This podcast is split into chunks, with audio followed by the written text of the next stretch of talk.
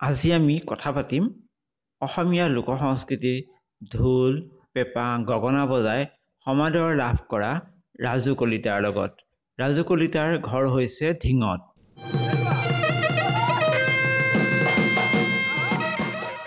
নমস্কাৰ মোৰ নাম শ্ৰী ৰাজু কলিতা। মোৰ ঘৰ ঢিঙত মই এনেকৈ মানে নিজে ঢোলটো বজোৱাত যথেষ্টখিনি কষ্ট কৰি শিকিছিলোঁ ঢোলটো। মই ঢোলটো শিকোঁতে মোৰ বহুত সময় লাগিছিলে কিন্তু মই নিজে ঢোলটো শিকোঁতে দুবছৰ লাগিছে সম্পূৰ্ণ দুবছৰ লাগিছে। মই যেতিয়া ঢোলৰ ওপৰত মানে হেৰি কৰোঁ প্ৰথমে একোৱেই নোৱাৰোঁ মই। দুবছৰৰ ভিতৰত ঢোলটো শিকিছোঁ তাৰপিছত মই যেতিয়া নিজে শিকিলোঁ মই ভাবিছোঁ মই নিজে শিকিলে নহ'ব মোৰ পিছৰ প্ৰজন্মক মানে মই আগুৱাই নিব লাগিব। সেইটো কাৰণে মই যথেষ্টখিনি সৰু ল'ৰা ছোৱালীখিনিৰ লগত কেয়াৰ লৈছোঁ। মই ঢিঙতে বহুতখিনি প্ৰায় মই ষাঠি সত্তৰজনৰ ওপৰত মই ল'ৰা ছোৱালী শিকাইছোঁ। তেনেকৈ মই বিভিন্ন জেগাত মানে ঢোল শিকাইছোঁ আৰু ঢোল শিকোৱাটো মই মই এটা নিচা হিচাপে মই ব্যৱহাৰ কৰোঁ যাতে আমাৰ অসমীয়া জাতিৰ অস্তিত্বটো বজাই ৰাখিব পাৰে মোৰ সৰুখিনিয়ে।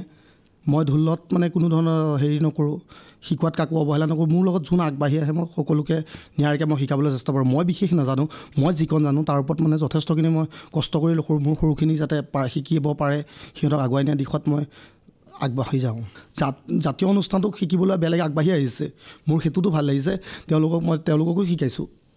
নহয়, ঢোল শিকাৰ ক্ষেত্ৰত ধৰক। ল'ৰা এজনে আহি ঢোল শিকিছে। ঢোল বাদ্যটো কেতিয়াও দেখাই নাছিলে তেওঁ। হয়। অঁ তে- সেই তেনেকুৱাত মানে কি প্ৰথম যিখিনি আমাৰ শিকোৱা পদ্ধতিখিনি প্ৰথম মানে মূল চাপৰ আমাৰ হেৰিটা হয় চাৰিটা হয় ঘেন কীট ডাউন ডাষ্ট সেই চাৰিটা পাই মানে গোটেই আমি যিমান ঢোল বজাওঁ আৰু তিন তিনিটা উচ্চ চাপৰ আছে টোকৰ ৰগৰ চুচনি। এই সাতটা বস্তু এই সাতটা বস্তু পাই মানে আমি যিমানখিনি মানে ঢোল বজাওঁ আমি ঢোল পৰিৱেশন কৰিবলৈ যিখিনি বস্তু লাগে সেই সাতটো পাই গোটেই অনু প্ৰগ্ৰামটোৰ বস্তু ওলাই গৈ থাকে। আৰু আমাৰ ঢোলৰ তেনেকুৱা কোনো ধৰণৰ লিখিত চাপৰ নাই। আমি নিজেই ব- বস্তুটো ট্ৰেকটো ধুনীয়াকৈ বনাই ল'লে হৈছে আমি তেনেকৈ উলিয়াব পাৰোঁ চাপৰবোৰ। চাপৰ বোলে এইটো লিখিত এখন চাপৰ বজাবই লাগিব তেনেকুৱা বোলা বস্তুটো নাই। ঢোল যিহেতু লোক সংগীতৰ কোনো ধৰা বন্ধা নাথাকে। তথাপিও তাতে কিছুমান নিয়ম অকণমান থাকে জানো নহয় জানো? যে আমিতো সকলো নিয়ম ওলাই কৰি পেলাই আমিতো। ঢোলটো বজাব নোৱাৰোঁ। সেইটো আমাৰ ঢোলৰ কিছুমান নিয়মাৱলী থাকে যেনে উপস্থাপনটো কেনেকৈ কৰিছে মূল চাপৰ ওলোৱা চাপৰ কিছুমান থাকে মাজৰ চাপৰ থাকে দীঘলীয়া চাপৰ থাকে তাৰপিছত পেঁপা চাপৰ থাকে পেঁপা চাপৰ প্ৰত্যেক চাপৰ মানে তালমানবোৰ অলপ বেলেগ বেলেগ হয়। ঢোলটো ঠিক তেনেকুৱাই হৈ পৰে।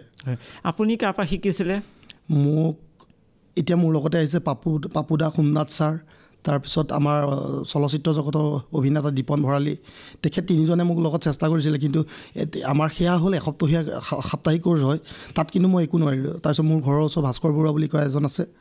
তেখেতে মোক লগত যথেষ্টখিনি কষ্ট কৰি পেলাই মোক ঢোলটো আগুৱাই নিয়া দিশত হেৰি কৰিছে। সি মোৰ লগত একেলগে প্ৰগ্ৰেম কৰে ভাস্কৰ বৰুৱা যিজন। কিন্তু তেখেতে সম্পূৰ্ণ ঢোলৰ দায়িত্ব মোক এৰি দিয়ে যিটো মানে এটা দল চলাবলৈ এটা টীম লিডাৰ এজন লাগে। সেই টীম লিডাৰজন মই হৈ পৰোঁ যদিও তেখেত মোৰ লগত থাকে।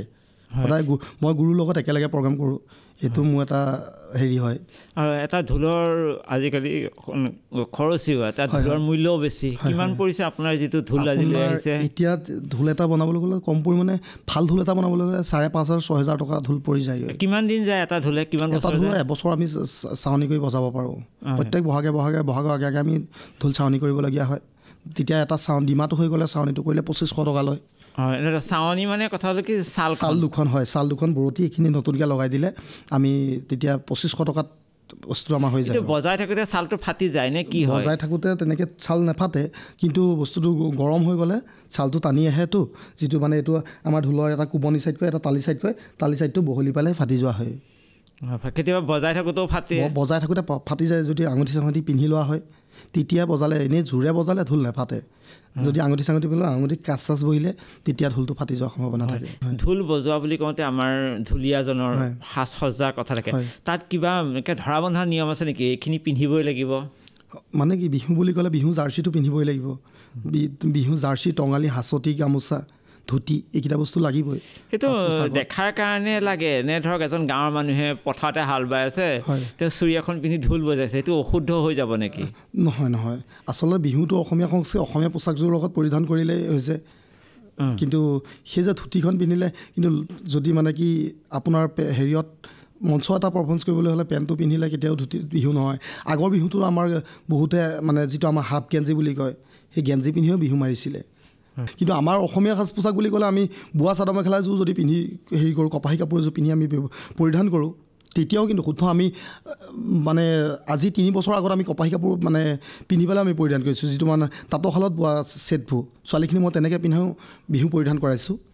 কিন্তু মানে তাত কোনো ধৰণৰ ভুল ধৰা নাই সাজ পোছাকত কোনো ধৰণৰ ভুল ধৰা নাই। প্ৰথমে মানুহখিনিয়ে কিছু মানে দৰ্শকৰ ফালৰ পৰা ইচি চাচাজ কৰি আছে সিহঁতনো মানে মুগা কাপোৰ এযোৰ নাই নে? মুগা কাপোৰ নাই যদি বিহু কেলৈ মাৰিব আহিছে। তেনেকুৱা এটা বুৰবুৰৰ পৰা এটা আমি শুনিছিলোঁ। শুনাৰ লগে লগে আমি দেখোন তেতিয়া আমি নিজে কৈছোঁ যে আমাৰ বিহু বোলা বস্তুটো এনেকুৱা হয় আমাৰ অসমীয়া পোচাকযোৰত আমি ব্যৱহাৰ কৰিছোঁ নে নাই সেইটোতহে লক্ষ্য কৰিব লাগিব। এতিয়া আমি কিছুমান নজনে ৰিহা লয় ৰিহা মেচিনেৰী ৰিহা কিছুমান লৈ পিন্ধি আছে সেইটোতো শুদ্ধ নহয়। আপুনি ঢোল বজায়। হয়। আৰু কি কি বজাব পাৰে? মই ঢোল বজাওঁ গগনা বজাওঁ। গগনা পাত আপুনি লৈ আহিছে অকণমান। বজাই দিয়ক।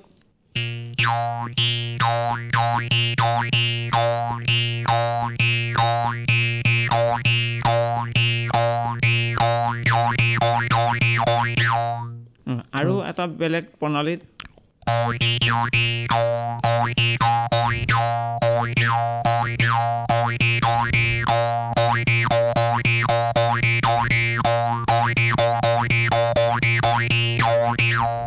আৰু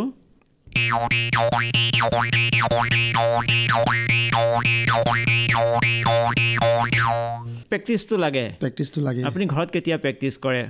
মই প্ৰেক্টিচ মানে মই ঘৰত তেনেকৈ কৰিবলৈ সময় নাপাওঁৱেই। মই যেতিয়া মোৰ ল'ৰা ছোৱালী আচলতে এইবোৰ বস্তু যিমান বজোৱা হয় সিমানেই হাত বেছি চলে। ল'ৰা ছোৱালীৰ লগত মই ল'ৰা। ছোৱালীৰ লগত মই দিনটোত চাৰি ঘণ্টা ল'ৰা ছোৱালীক দিওঁ। সেই। চাৰি ঘণ্টাত ধৰক চাৰিটা ক্লাছ কৰিলে মই চাৰি ঘণ্টা মই নিজেও শিকা হয়। ঢিঙত এতিয়া আচলতে আগৰ মই ঢিঙত গৌৰৱে ক'ব পাৰোঁ। ঢিঙত আমাৰ তেৰটা নে চৈধ্যটা বিহু দল আছিলে। যেতিয়া মই প্ৰথম বিহু জগতখনলৈ গৈছিলোঁ মই প্ৰথমে তাল বজাইছিলোঁ। মই বিহু বহুত বছৰ মই বিহু মাৰিলোঁ কিন্তু মই ঢোল বজাব নাজানো তাল বজাইছিলোঁ। মই এবাৰ এজনক মানে এটা ঢোল বিচাৰিছিলোঁ ঢোলটো দিবিচোন অকণ প্ৰেক্টিচ কৰোঁ। সি কৈছে মোৰ ঢোলটো নহ'ব নহয় তই ভালকৈ বজাব নাজানো। তোক মই ঢোলটো দিব নোৱাৰিম। মানে তেনেকৈ অকণমান আৱেগত লাগি যোৱা নিচিনা হ'ল। মই সেইদিনাই মানে একেলগে ছটা ঢোল বনাইছোঁ। বনাই মই ঢোল শিকিমেই। আৰু যথেষ্টখিনি কষ্ট কৰি আজি মই ঢোল শিকি মই মোৰ মাজতে ৰাখি থোৱা নাই মই সৰুখিনিক যাতে আগুৱাই নিব পাৰোঁ মই পঞ্চাছ ষাঠিজনৰ ওপৰত মই ঢুলীয়াই অলৰেডি শিকালোঁ তাৰ ওপৰত মই ছয় সাতখন স্কুল কলেজতো শিকাই আহিছোঁ। হয় ঢোলৰ কেইটামান বোল আমাক শুনাই দিয়ক। হয় হয়। আমাৰ ঢোলৰ প্ৰথম এনেকুৱা ওলোৱা চাপৰ এখন থাকে দীঘলীয়া চাপৰ থাকে মাজৰ চাপৰ থাকে মানে সামৰণি চাপৰ থাকে। তেনেকৈ মানে আমাৰ প্ৰত্যেকৰে জাতভু বে- অলপ বেলেগ বেলেগ হয়। ধৰক মই প্ৰথম আপোনাৰ ওলোৱা চাপৰখন অকণ বজাই শুনাই দিব বিচাৰিছোঁ।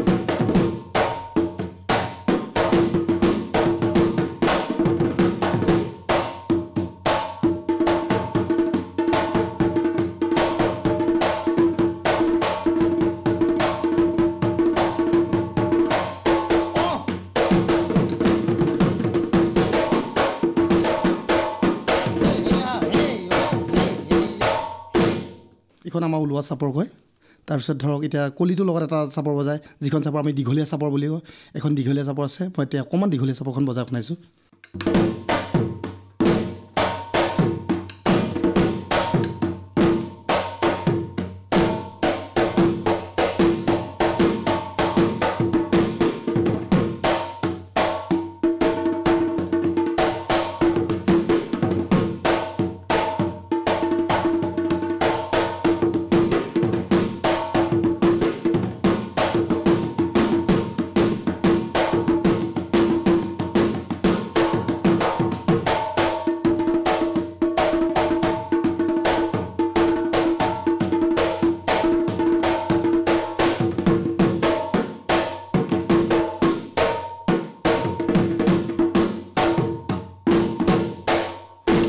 ৰাজু কলিতা আমি আশা ৰাখিছোঁ আপুনি এই ঢোলৰ যি শিক্ষা আপুনি ৰাইজক দি যাব।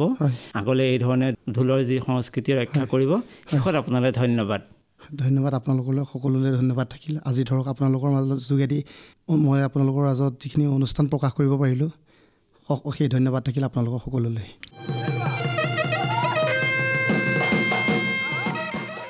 তেনেহ'লে আজিৰ অনুষ্ঠান ইমানতে সামৰিছোঁ। নমস্কাৰ। আজি আমি কথা পাতিম অসমীয়া লোক সংস্কৃতিৰ ঢোল পেঁপা গগনা বজাই সমাদৰ লাভ কৰা ৰাজু কলিতাৰ লগত। ৰাজু কলিতাৰ ঘৰ হৈছে ঢিঙত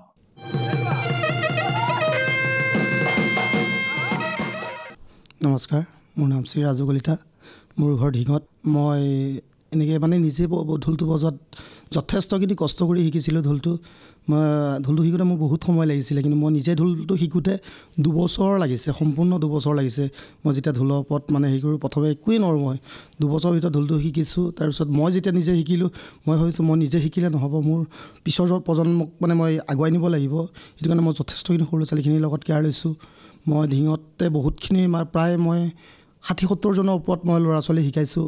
তেনেকৈ মই বিভিন্ন জেগাত মানে ঢোল শিকাইছোঁ আৰু ঢোল শিকোৱাটো মই মই এটা নিচা হিচাপে মই ব্যৱহাৰ কৰোঁ যাতে আমাৰ অসমীয়া জাতিৰ অস্তিত্বটো বজাই ৰাখিব পাৰে মোৰ সৰুখিনিয়ে। মই ঢোলত মানে কোনো ধৰণৰ হেৰি নকৰোঁ শিকোৱাত কাকো অৱহেলা নকৰোঁ মোৰ লগত যোন আগবাঢ়ি আহে মই সকলোকে নিয়াৰিকৈ মই শিকাবলৈ চেষ্টা কৰোঁ। মই বিশেষ নাজানো মই যিকণ জানো তাৰ ওপৰত মানে যথেষ্টখিনি মই কষ্ট কৰি সৰু মোৰ সৰুখিনি যাতে শিকিব পাৰে সিহঁতক আগুৱাই নিয়া দিশত মই আগবাঢ়ি যাওঁ। জাত জাতীয় অনুষ্ঠানটোক শিকিবলৈ বেলেগ আগবাঢ়ি আহিছে। মোৰ সেইটোতো ভাল লাগিছে। তেওঁলোকক মই তেওঁলোককো শিকাইছোঁ। ঢোল শিকাৰ ক্ষেত্ৰত ধৰক। ল'ৰা এজনে আহি ঢোল শিকিছে। ঢোল বাদ্যটো কেতিয়াও দেখাই নাছিলে তেওঁ। হয়। অঁ তে সেই তেনেকুৱাত মানে কি প্ৰথম যিখিনি আমাৰ শিকোৱা পদ্ধতিখিনি প্ৰথম মানে মূল চাপৰ আমাৰ হেৰিটা হয় চাৰিটা হয় ঘেন কীট ডাউন ডাষ্ট সেই চাৰিটা পাই মানে গোটেই আমি যিমান ঢোল বজাওঁ আৰু তিন তিনিটা উচ্চ চাপৰ আছে টোকৰ ৰগৰ চুচনি। এই সাতটা বস্তু এই সাতটা বস্তু পাই মানে আমি যিমানখিনি মানে ঢোল বজাওঁ আমি ঢোল পৰিৱেশন কৰিবলৈ যিখিনি বস্তু লাগে সেই সাতটো পাই গোটেই অনু প্ৰগ্ৰামটোৰ বস্তু ওলাই গৈ থাকে। আৰু আমাৰ ঢোলৰ তেনেকুৱা কোনো ধৰণৰ লিখিত চাপৰ নাই। আমি নিজেই বস্তুটো ট্ৰেকটো ধুনীয়াকৈ বনাই ল'লে হৈছে আমি তেনেকৈ উলিয়াব পাৰোঁ চাপৰবোৰ চাপৰ বোলে এইটো লিখিত এখন চাপৰ বজাবই লাগিব তেনেকুৱা বোলা বস্তুটো নাই। ঢোল যিহেতু লোক সংগীতৰ কোনো ধৰা বন্ধা নাথাকে। তথাপিও তাতে কিছুমান নিয়ম অকণমান থাকে জানো নহয় জানো? যে আমিতো সকলো নিয়ম ওলাই কৰি পেলাই আমিতো। ঢোলটো বজাব নোৱাৰোঁ। সেইটো আমাৰ ঢোলৰ কিছুমান নিয়মাৱলী থাকে যেনে উপস্থাপনটো কেনেকৈ কৰিছে মূল চাপৰ ওলোৱা চাপৰ কিছুমান থাকে মাজৰ চাপৰ থাকে দীঘলীয়া চাপৰ থাকে তাৰপিছত পেঁপা চাপৰ থাকে পেঁপা চাপৰ প্ৰত্যেক চাপৰ মানে তালমানবোৰ অলপ বেলেগ বেলেগ হয়। ঢোলটো ঠিক তেনেকুৱাই হৈ পৰে। আপুনি কাৰ পৰা শিকিছিলে? মোক এতিয়া মোৰ লগতে আহিছে পাপু পাপুদা সোমনাথ ছাৰ তাৰপিছত আমাৰ চলচ্চিত্ৰ জগতৰ অভিনেতা দীপন ভৰালী। তেখেত তিনিজনে মোক লগত চেষ্টা কৰিছিলে কিন্তু আমাৰ সেয়া হ'ল এসপ্তাহীয়া সাপ্তাহিক কোৰ্চ হয়। তাত কিন্তু মই একো নোৱাৰিলোঁ। তাৰপিছত মোৰ ঘৰৰ ওচৰ ভাস্কৰ বৰুৱা বুলি কয় এজন আছে। তেখেতে মোক লগত যথেষ্টখিনি কষ্ট কৰি পেলাই মোক ঢোলটো আগুৱাই নিয়া দিশত হেৰি কৰিছে। সি মোৰ লগত একেলগে প্ৰগ্ৰেম কৰে ভাস্কৰ বৰুৱা যিজন। কিন্তু তেখেতে সম্পূৰ্ণ ঢোলৰ দায়িত্ব মোক এৰি দিয়ে যিটো মানে এটা দল চলাবলৈ এটা টীম লিডাৰ এজন লাগে। সেই টীম লিডাৰজন মই হৈ পৰোঁ যদিও তেখেত মোৰ লগত থাকে। সদায় মই গুৰুৰ লগত একেলগে প্ৰগ্ৰেম কৰোঁ। এইটো মোৰ এটা হেৰি হয়।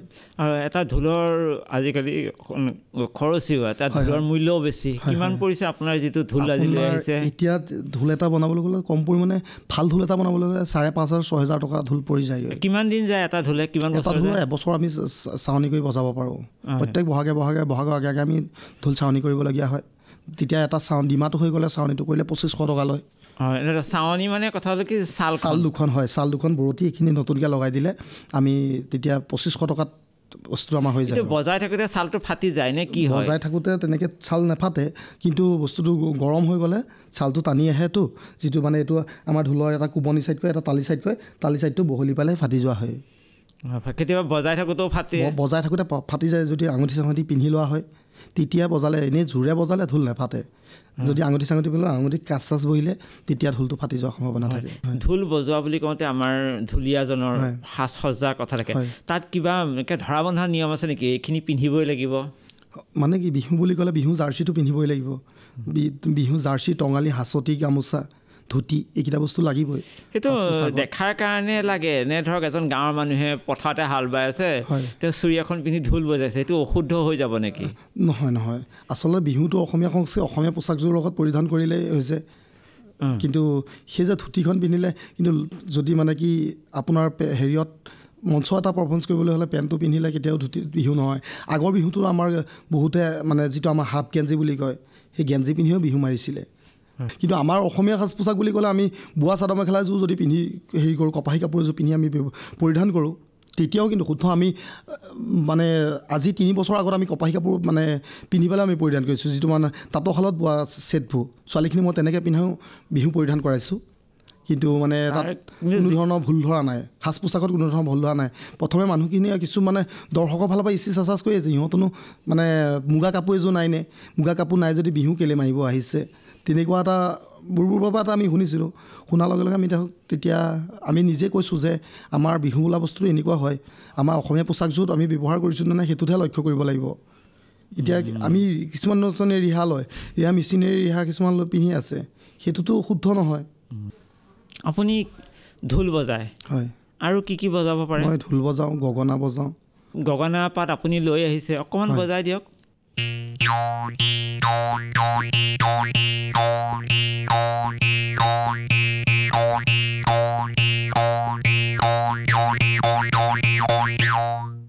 আৰু এটা বেলেগ প্ৰণালীত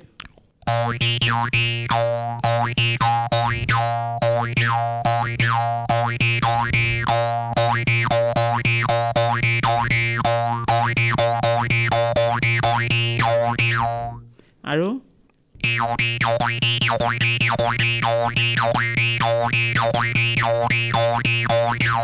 প্ৰেক্টিচটো লাগে। প্ৰেক্টিচটো লাগে। আপুনি ঘৰত কেতিয়া প্ৰেক্টিচ কৰে? মই প্ৰেক্টিচ মানে মই ঘৰত তেনেকৈ কৰিবলৈ সময় নাপাওঁৱেই। মই যেতিয়া মোৰ ল'ৰা ছোৱালী আচলতে এইবোৰ বস্তু যিমান বজোৱা হয় সিমানেই হাত বেছি চলে। ল'ৰা ছোৱালীৰ লগত মই ল'ৰা। ছোৱালীৰ লগত মই দিনটোত চাৰি ঘণ্টা ল'ৰা ছোৱালীক দিওঁ। সেই চাৰি ঘণ্টাত ধৰক চাৰিটা ক্লাছ কৰিলে মই চাৰি ঘণ্টা মই নিজেও শিকা হয়। ঢিঙত এতিয়া আচলতে আগৰ মই ঢিঙত গৌৰৱে ক'ব পাৰোঁ ঢিঙত আমাৰ তেৰটা নে চৈধ্যটা বিহু দল আছিলে। যেতিয়া মই প্ৰথম বিহু জগতখনলৈ গৈছিলোঁ মই প্ৰথমে তাল বজাইছিলোঁ। মই বিহু বহুত বছৰ মই বিহু মাৰিলোঁ কিন্তু মই ঢোল বজাব নাজানো তাল বজাইছিলোঁ। মই এবাৰ এজনক মানে এটা ঢোল বিচাৰিছিলোঁ ঢোলটো দিবিচোন অকণ প্ৰেক্টিচ কৰোঁ। সি কৈছে মোৰ ঢোলটো নহ'ব নহয় তই ভালকৈ বজাব নাজানো তোক মই ঢোলটো দিব নোৱাৰিম। মানে তেনেকৈ অকণমান আৱেগত লাগি যোৱা নিচিনা হ'ল। মই সেইদিনাই মানে একেলগে ছটা ঢোল বনাইছোঁ। বনাই মই ঢোল শিকিমেই। আৰু যথেষ্টখিনি কষ্ট কৰি আজি মই ঢোল শিকি মই মোৰ মাজতে ৰাখি থোৱা নাই মই সৰুখিনিক যাতে আগুৱাই নিব পাৰোঁ। মই পঞ্চাছ ষাঠিজনৰ ওপৰত মই ঢুলীয়াই অলৰেডি শিকালোঁ তাৰ ওপৰত মই ছয় সাতখন স্কুল কলেজতো শিকাই আহিছোঁ। হয় ঢোলৰ কেইটামান বোল আমাক শুনাই দিয়ক। হয় হয়। আমাৰ ঢোলৰ প্ৰথম এনেকুৱা ওলোৱা চাপৰ এখন থাকে দীঘলীয়া চাপৰ থাকে মাজৰ চাপৰ থাকে মানে সামৰণি চাপৰ থাকে। তেনেকৈ মানে আমাৰ প্ৰত্যেকৰে জাতবোৰ বে- অলপ বেলেগ বেলেগ হয়। ধৰক মই প্ৰথম আপোনাৰ ওলোৱা চাপৰখন অকণ বজাই শুনাই দিব বিচাৰিছোঁ।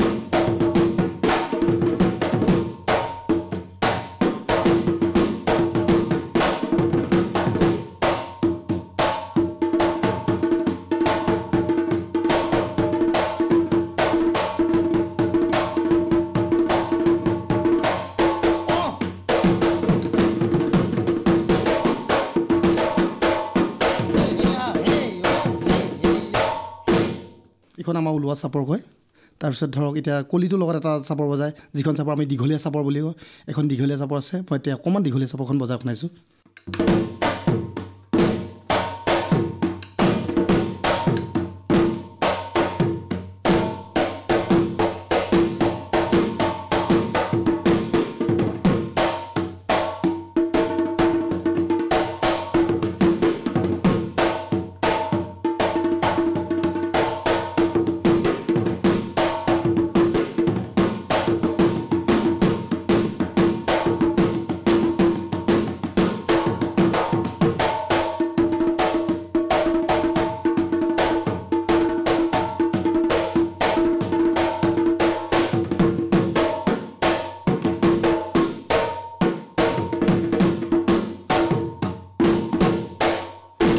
ৰাজু কলিতা আমি আশা ৰাখিছোঁ আপুনি এই ঢোলৰ যি শিক্ষা আপুনি ৰাইজক দি যাব।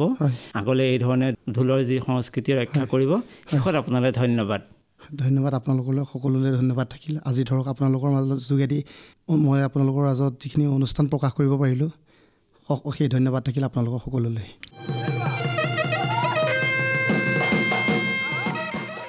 তেনেহ'লে আজিৰ অনুষ্ঠান ইমানতে সামৰিছোঁ। নমস্কাৰ।